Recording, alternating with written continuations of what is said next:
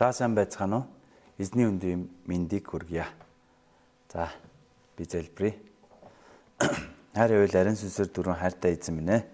Энэ өдөр эзэн таны өмнө хүндэтгэн магтаалыг өргөхөөр ирсэн хүнийг бүрийг удирдан өгч байгаад баярлалаа. Өнөө цагт ч гэсэн та бид бүхнийг онлайнаар эзэн таны өмнө ирэх боломжийг зөвшөөрөн өгдөгтөн талархаж байна. Хүн бүр байгаа газартаа таны хүндэтгэн магтаж, таныг алдаршуулж чадхад ариун сүнсээр удирдах өгөөрэй. Энэ цагийг эхнээс нь тусдал удирдах өгөөж таны хүү Есүсийн нэрээр гооч байна. Амен. Нэр чинь юм бэ? Марк 5:1-ээс ор. Гол ишлэл 5:9-а. Есүс түүнээс нэр чинь хэм бэ гэж асуусанд тэр Өнөөдрийн үгээр дамжуулан бузар сүнсэнд эзэмдүүлэн өгөхөөс өөр аргагүй байсан залуугийн тухай юм.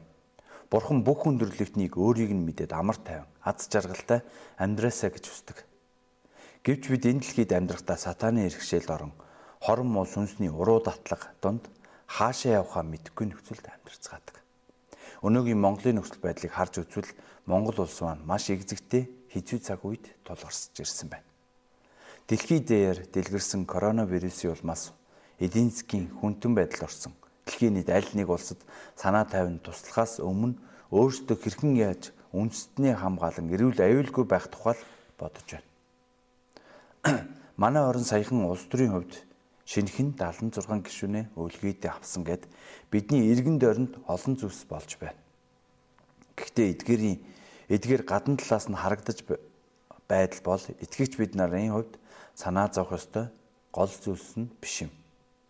Учир нь анхны хүн Адамын үеэс хойш бидний амьдралд хорон мөсөнс биднийг бурхнаас холдуулж мөнхийн тавд амьдруулахыг хүссэн аюултай дайны нөхцөл байдал үргэлж байгаа билээ. Өөрөөр хэлбэл бидний тэмцэж хамгаалах ёстой зүйл бол энэ дэлхийн хүн төрлөختнийг Бурхны хараанаас хайраас холдуулахыг хүсэж байгаа муу сүнсний сатааны эсрэг юм. Тиймээс Иесусээс хүч аван итгэлтэйгээр түүний зорж буй жимээр алхаж чадахыг сунгууч байна. Энэ цагт хүнийг зовоож хинж биш болгож байгаа уг үндэс нь юу болохыг яаж эдгэрлийг авахыг сурч чадахыг сунгууч байна. Нэгдүгээр хэсэг бузар сүнстэй легион 1-5. Есүс Есүсийн хамт байж байсан хүмүүс шуургыг даван тоолж эцэст нь эсрэг тал байрлах Герас нутагт ирлээ. Герас нутаг нь тухайн үедээ Ромын 14-р батальонд байрлаж байсан. Есүс Герас нутагт ирэн усан онгоцноос гарч ирмэгц Есүсийг угтаж авсан нэгэн хүн байлаа. Тэрээр бошин дунд амьдарч байсан бузар жүтгэрүүдэд эзэмдүүлсэн нэг юм. Луг 8:27 дээр инхүү бичжээ. Тэр хүн удаан хугацааны турш хувцас хоноргүй байж орон байранд бус харин булшны агууд оргиндог байв. Энэ хүнийг өнөөдрийн байр сууриас нь харавал галзуу хүн гэж дүгнэхээс өөр аргагүй. Хүн дөрөвтөө галзуу төрдгүү байх гэж би хувьтай боддог. Тэрээр булшин донд амьдарч байгааг харуул түүний дотоод сэтгэл булш шиг харанхуй. Эсрэг үзэлтэй, үхлийн талаар айцтай босон нэгэн шиг байна. Тэрээр яагаад гэр бүлээсээ бол нийгмээс тусгаарлагдан амьдарч байсан бэ? Гэр бүл болон нийгэм түүнийг барьж хязгаарлаж байгаа юм шиг санагдаж эрх чөлөөгөө хайгаад энэ газар руу ирснийг хэлж мэдэхгүй. Өнөөдөр маш олон залуучууд хүмүүстэй харилцах харилцаагаа тастаж харанхуй өрөөндөө эсвэл анимашн үзэж кино театр архины газар гээд өөрийн буш болгон өөрийнхөө ертөнцөө бий болгож амьдарцгаах болсон. Тэр сүнс нь хоосон цөхрлөөр дүрэн харанхуй гүн ёроолд унаж зовж байна. 3 4-р эшлэлийг үргэлжлүүлээд харуул. Орон байранд булшнуудын дунд байх хахад гинжинд эсвэлэгдэх нэгэн аж. Тэр олонтаа гав гинжтэй байсан ч гинжэн тастаж гаваан хэсэгчлэн өвчгдөг бай. Хинч түүнийг номогдохож эсч чадчихжээ. Тэрээр орилж чарлан хүмүүс төвөг болж байсан учраас түүнийг гинжинд хүлсэн. Гэтэл тэгэх болгонд яаж ийм хүчтэй баймаар гэмэр гинжийг тасддаг байсан. Тиймээс одоо хинч түүнийг дийлхээ байсан. Тэрээр гинжээ тастаж гаваа хэсэгчлэн эвдчихдэг байсан учраас бүх бие нь хөхөрч цус хурж биерээ дүрэн шарх сөрөгтэй байсан. Мөн олигтой идэж уухгүй байснаас болоод араатан шиг дүр төрхтэй болсон байна. Хүмүүс түүнийг яагаад орилж хашгираад галзуурсан эсэх түүний дотоод сэтгэл рүү харахаас илүүтэйгээр өөртөө хохирохгүй тулд гаднах үйлдэл нь үйлдэлд нь л анхаарч байсан. Харин тийх тусам улам бүр эсэргүүцэж галзуурх болсон. гинж болон гав нь хүний гаднах үйлдэлийг хянаж байгаа юм шиг боловч дотоод сэтгэлийн асуудлыг хизээж шийдэж чадахгүй. Өнөөдөр энэ нийгэмд хууль тогтолцоо гэх мэт гав гинжнээс болоод ууралсан залуучуудыг гинжлэх гэж үздэг. Гэтэл гинж болон гав нь хүнийг улам бүр догшин эсэргүү сэтгэлтэй сүйрүүлэгч нэгэн болгодог. Тэгвэл тэр яагаад ийм хүнд чирэггүй нэгэн болсон бэ? Бурхан хүнийг өөрийн дүр төрхийн дагуу бүтээсэн учраас үнэхээр нандин бүтээл. Тэгвэл тэр яагаад ийм араатан шиг болж өөрчлөгдсөн бэ? Энэ шалтгаан бол бузарч өтгөрт эзэмдүүлсэн учраас юм. Магадгүй тэр цаг үед Ромын цэргүүд сэлэн барин хүмүүсийг хайр найргүй альж байгаад хараад энэ зүйлд тэсэлгүй тэрсэлж байгаад галзуурсан байж болох юм. Эсвэл тэрээр гэр бүл болон нийгэм нийгмийн хаяад бошин донд амьдарч байгааг нь харуул нийгэм болон гэр бүлийнхэн түүнийг галзууруулсан ч байж болох юм.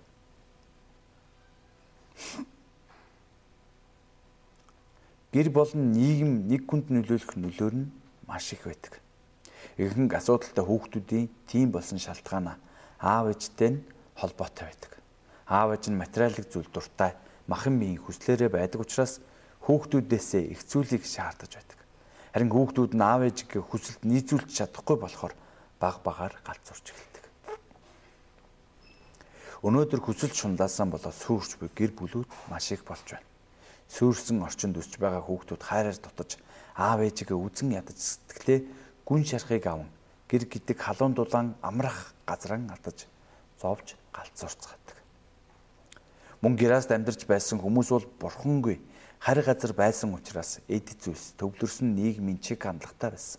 Энэ нийгэм бол бүх зүйл эд зүйлсээр тулгуурсан үн цэнийг тодорхойлож дүгндэг гэсэн үг. Юу хийсэн ч юу ч хийсэн мөнгө л их бол хүндэтгэлийг авч хүнлэг үн цэнтэй хүмүүнлэгийн ажил хийсэн ч мөнгөгүй бол үл тоогддог байсан. Юу ч хийсэн мөнгө л их бол ийм нийгэмээс болж хүмүүс ямар ч хамаагүй аргаар мөнгөтэй болохын тулд тэмцэж байсан. Эцэст нь мөнгнөөс болж өөрийн мэдлгүй мэдрэлэн алдаж байсан хүмүүс олон байсан. Тэгвэл энэ дүр зурагт үнэндээ өнөөгийн Монголын нийгэмд тулгуураад байгаа бодол байдалтай адил юм.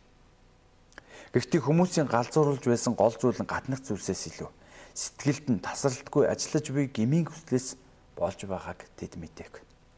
Хүн бурхны өмнө гим үлдсэний дараа тэр дотор гмийн хүсэл тачаал бий болдог. Хүн гмийн хүсэлд автаад ирвэл оюун ухаанаа алдаж өөрийгөө кинах чадвараа ч алддаг.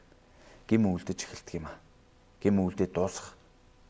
Гим үлдээл дуустдаггүй. Гим үлдснээс бол зовж шаналж эхэлдэг. Ихэнх хүмүүс галзуурдаг шалтгаан нь гмийн буруу талаас болдог. Ялангуяа залуу хүмүүс хүсэл тачаал садарлаг гэмээс болж галзуурдаг. Ихэнх хүмүүс нь хүнд ч мэддэхгүй гмийг үлдэж байгаад сатааны иргэшэлд орж зовдгийг харж болох юм. Энэ хүн бол гинжээн тастаж гаван хэсэгчлэн өвчтдөг. Гэр бүл болон нийгмээс тугацааж булсан дунд амьдарч байна. Өөрийгөө хүлж байгаа юм шиг санагдсан учраас хувцаач урж тасцсан. Тэрээр үнэхээр эрх чөлөөтэй нэгэн болсон юм шиг харагдаж байна. Тэрээр бүх зүйлээс чөлөөлөгдсөн юм шиг харагдаж байна.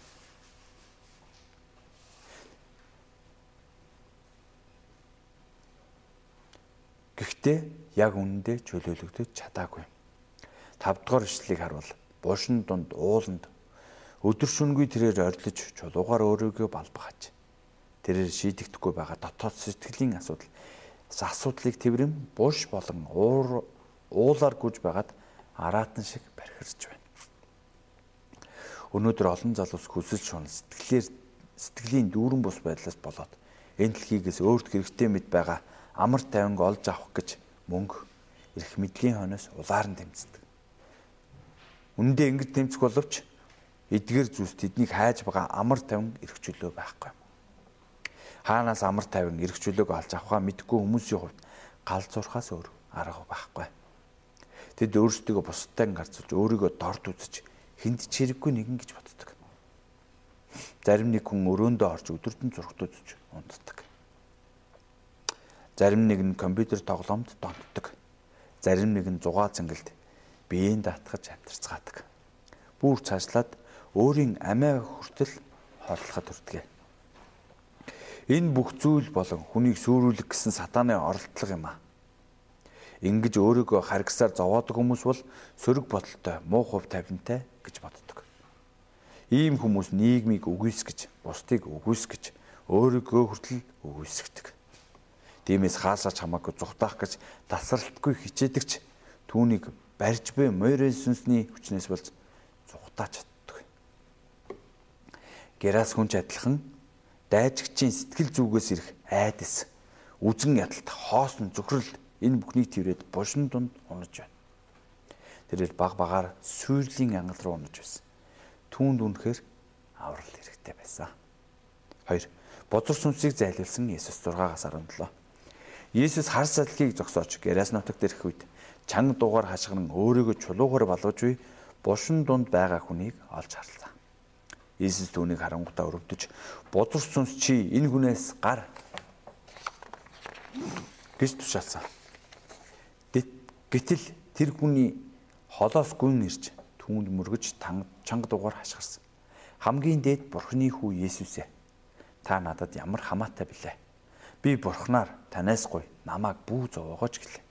Тэрээр бурхны хүү гэдгийг мэдэж байна гэдэг нь бузар сүнсэнд эзэмдүүлсэн байсан учраас юм. Мойрын сүнснүүд Есүсийг бурханлаг байдал болон Есүсийн эрх мэдлийг мэддэг учраас айдаг.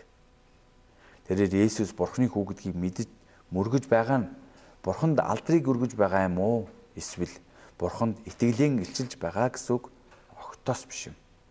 Харин суурин алга болох байх гэсэн айдсаасан болж битгий зовоогооч гэж гооч байна. Бидний хувьд Есүсийг мэддэг байх нь хангалттай биш юм. Учир нь зөвтгөрч бас түүнийг Бурхны хүү гэдгийг мэддэг бөгөөд хүлээн зөвшөөрдгийг санацгаая.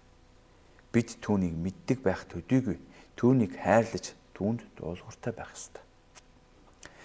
Амьдрал дээр сайн мэдээ дэлгэрүүлэх ажил хийж байх үед хүмүүс хүмүүсийн олон хандлагатай нүүр тулах хэрэгтэй болдог. Тэдгэрийн дотор шууд эсэргүйцэн игдүүцэх сэтгэлээс нь болоод тухайн хүн тааруулж Бурхны үгийг хүртэх хүргэх гэсээр байгаад Бурхны үгийг цаг тухайд нь дамжуулж чадахгүй байдалд олон тохиолддог. Саяхан манай хамаатны нэг хүн нас барсан. Тэр үед надад бодогдсон зүйл бол Бурхныг Есүсийн талаар ярьж өгөөдөө харамсах харамсал юм. Тиймээс бид Есүс харамсах харамсал юм. Учир нь тухайн хүнд ямар ч байсан Бурхны үгийг шуурхаа дамжуулах нь хамгийн чухал байсан гэдгийг ухаарсан явдал юм. Тиймээс бид Есүс хүмүүстэй хэрхэн харцаж байгааг харан суралцж Миний гаргасан алдаа олон давтагдахгүй байхын төлөө хичээнгүлэн залбирч Бурхнаар удирдуулж чадахыг хүсэн гож байна. Иесус бозор сүнстэй хүнтэй уулз нүц бозор сүнс чи хүнээс гар гэж тушаасан. Гар гэж тушаасан. Есүс тэр хүнийг харахтаа нэгдүгээрт нь тэр хүн махан биеэс гадна сүнстэй гэж харсан юм.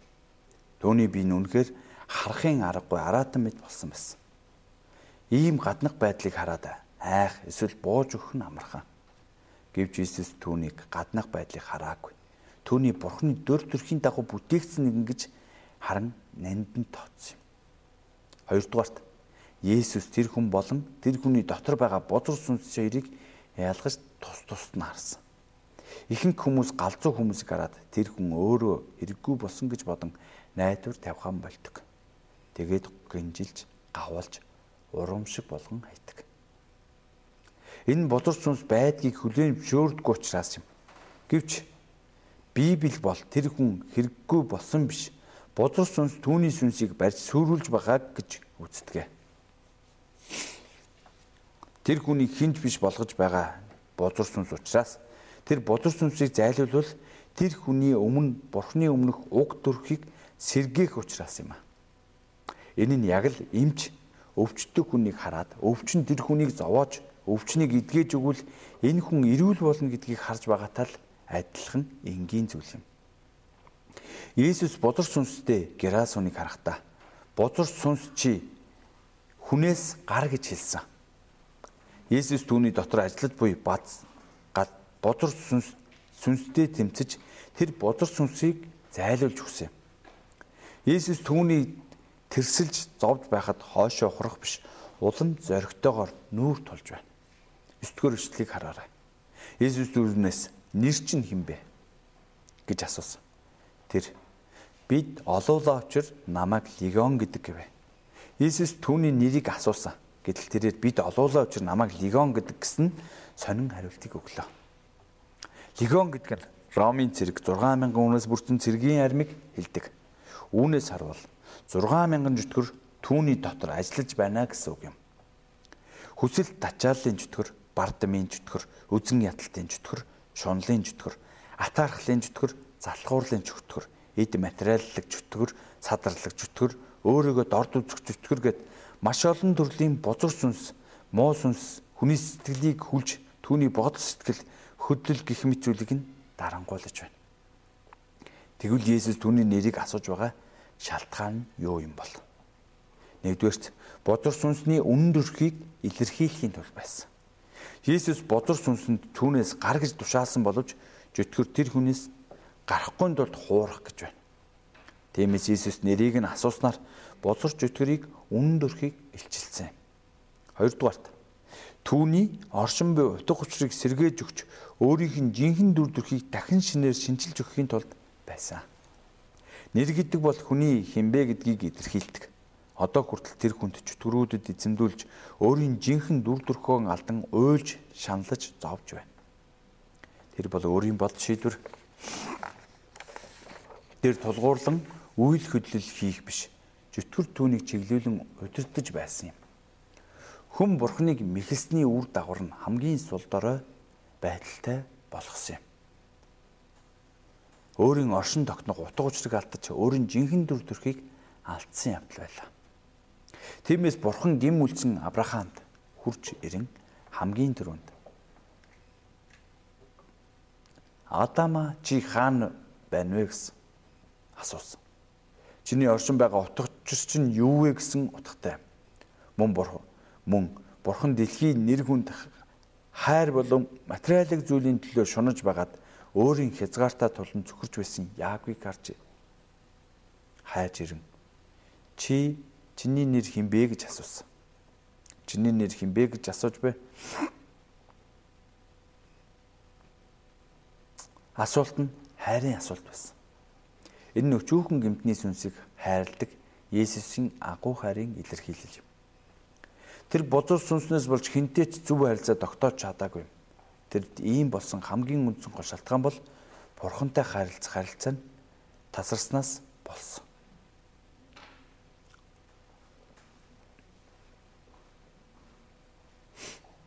Бурхантай харилцах харилцаа тасрамгц хүмүүстэй харилцах харилцаа тасарсан.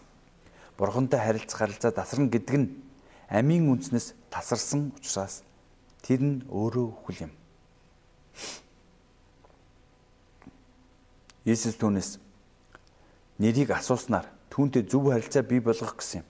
Есүс бол хүчтэй сатаны хүчийг хүлэх чадaltaй нэг юм аа. Есүс л ганцхан бузар сүнсийг зайлуулж чадах нэгэн. Тийхүү хүүхдүүд нь мах цусны тасархай болов. Түүнчлэн тэр өөрөө бас тасархай болсон. Ингэснээр тэр үхлийн хүч буюу диаволыг үхлээр хүчгүй болгосог гэвэ.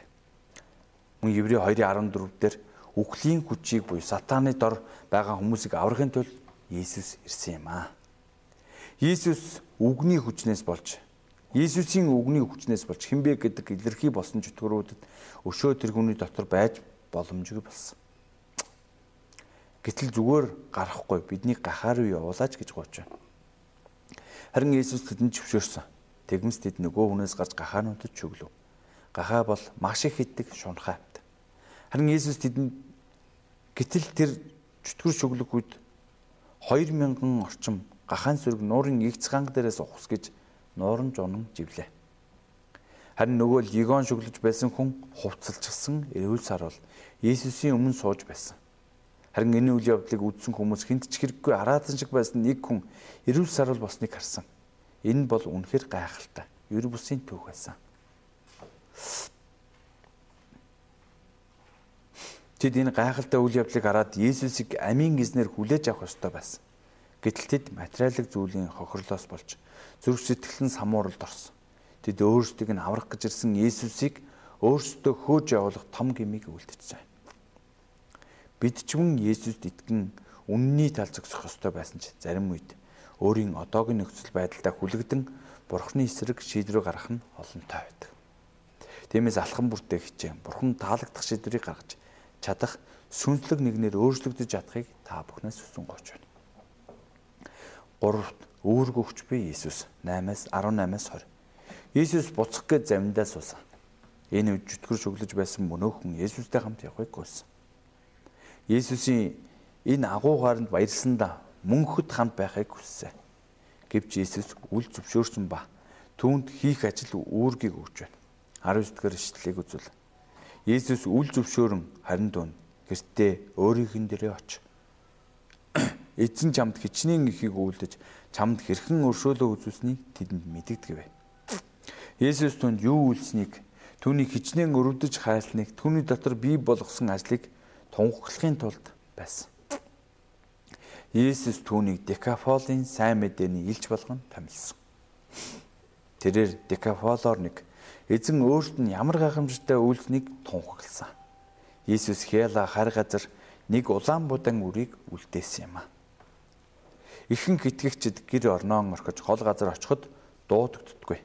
Харин төрлөх хотдоо Иесуст үйлчилж түүнийг гэрчлэхээр дуудагддаг. Эхлээд бид гэр орондоо Христийг гэрчлэх ёстой. Иесус бидэнд авралын ивэлийг өгтөө мөн үүргийг мөн хамт өгсөн юм а. Ром 1:5 түүний нэрийн төлөө нүүрний нэрийн төлөө бүх харийнхын дунд итгэлийн дуулуурыг бий болгохын тулд түүгээр дамжуулан нэгүслэт хийгээд элчин үргийг бид бүхэн хүлээн авсан гэжээ. Авралын ивэлийг авсан хүн заавал үүргээ биелүүлэх хэрэгтэй. Үүрэг бидэнд хүндрэл хүндрэлд оруулахын тулд биш юм. Үүрэг бол хүнийг агуу болгож, үн цэндэ болгож, үнэт үн цэнтэй болгодог юм. Аврал дээр суурилж үүрэгтэй амьдрна гэдэг нь үнэхээр үгээр хэлэхээ аргагүй ивэлтэй зүйл юм. Миний амьдралын хувьд Бурхан намайг 1999 онд анх оюутан болон хотод ирснээр өөрийн хайр ивэлтэй замаар явуулахаар сонгон дутсан билээ. Өөрийн өмнөх байдал одоо байгаагаа харуул мэдээж өөрчлөгдсөн тодорхой. Гэхдээ гадна талаас өөрчлөгдөх өөрчлөлтийн тухай биш. Харин дотор талаараа Иесуст итгэснээр миний амьдрал хүмүүсийг харахаараа бүрэн өөрчлөгдөж чадсан юм. Урд нь Христэд итгэдэг хүмүүсийг муулна, зодож нүтгэхээс сийхгүй байсан намайг Бурхан голоогүй бөгөөд өөрийн хувиршгүй хараар цаг үргэлж хайрлан хиндэж хэрэггүй галзуурж байсан миний сүнсийг аварч өгсөн блэ. Хидээр итгэгчийн амьдралаар амьдарч байгаач одоо ч надад гэмээс болж цаад бэрхшээлүүд тохиолдож байдаг. Яг үнэндээ өөрийн доторх хүн рүүгээ тонгоон гарвал ямар сул дорой хүчгүй гэдгээ л хардаг. Гэсэн ч эзэн бурхан намайг өөрийн хувиршгүй хараар хайрлахаа зогсоогүйгээс гадна хамгийн сайн хань үр хүүхдүүд ажил хөдөлмөр хамтран зүтгэгчдийг нэмж өгсөөр л байгаа лээ. Амьдрал тохиолдох бэрхшээл саад бүр тань руу харах шат болсоор байна. Аваа. Сул дорой муу сүнсэнд эзэмдүүлэн амьдарч байсан намайг өөрийн замаар өдийг хүртэл өдөрдөн эвэн өгсөн баярлалаа. Хайртай аваа мөн хайртай илэрхийлэх ゥ төрөл төрсөд гэрийнхэндээ сайн мэдээг дэлгэрүүлэх талаар тодорхой зан өгч дахин сануулсан талархаж байна. Өөрийн нөхцөл байдал, улс орны нөхцөл байдал, хүмүүсийн нөхцөл байдлыг харалгүй нэг хүн сайн мэдээ хүргэх нь хэр жохлыг дахин зааж өгсөнд баярлалаа. Өнөөдрийн өнөөдөр сулсан зүйлийн дагуу хүн бүр хичээн эзэн бурхны хувиршгүй тууштай байдлаар хувиршгүй тууштай байдлаар аврагдсанаа мэдснээр хамгийн хайртай хүмүүстэй сайн мэдээг Иесусыг Иесусийн авралыг дамжуулж чадахыг хүсэн гоч байна дүгнэлт. Хүмүүс жинхэнэ эрсчлөөг хүсдэг. Гэвч бурхнаас холдсон хүн чөлөөтэй байгаа юм шиг боловч жинхэнэ эрсчлөөг эдлэж чадахгүй. Энэ нь гимээс болж сатааны боол болсон учраас юм. Иесус хүч чадалтай сатаныг эрх мэдлийг сүрүүлэхийн тулд ирсэн блэ. Тэгээд загалмай ба амьлалтаар дамжуулан гим ба сатааны эрх мэдлийг ялахын тулд энэ дэлхийд ирсэн юм. Улмаар загалмайн өхөл ба амьлалтаар дамжуулан сатааны эрх мэдлийг нурааж бидэнд жинхэнэ эрх чөлөөг өгсөн.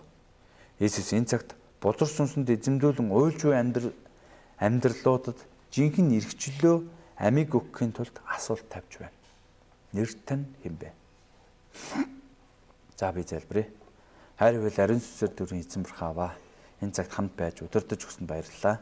Өөрийн хайр ивэл нэгүслэлтэй замаар удирдах эзэн таны өмнө алхах боломжийг хүн бүр зөвшөөрөн өгдөгт баярлалаа.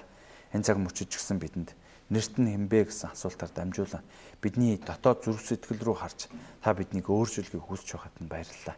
Бид үнэхээр өөрчлөгдөж таны үг хэрэгтэй байгаа тэр хүмүүст сайн мэдгийг тунхаглаж, сайн мэдгийг дэлгэрүүлж чадахад удирдах өгөөч. Энэ бүх зүйлийг эзэн минь таньдаа даатгаж байна. Ариун сүсээр удирдах өгөөч. Есүсийн нэрээр даатгангуйлаа. Амен.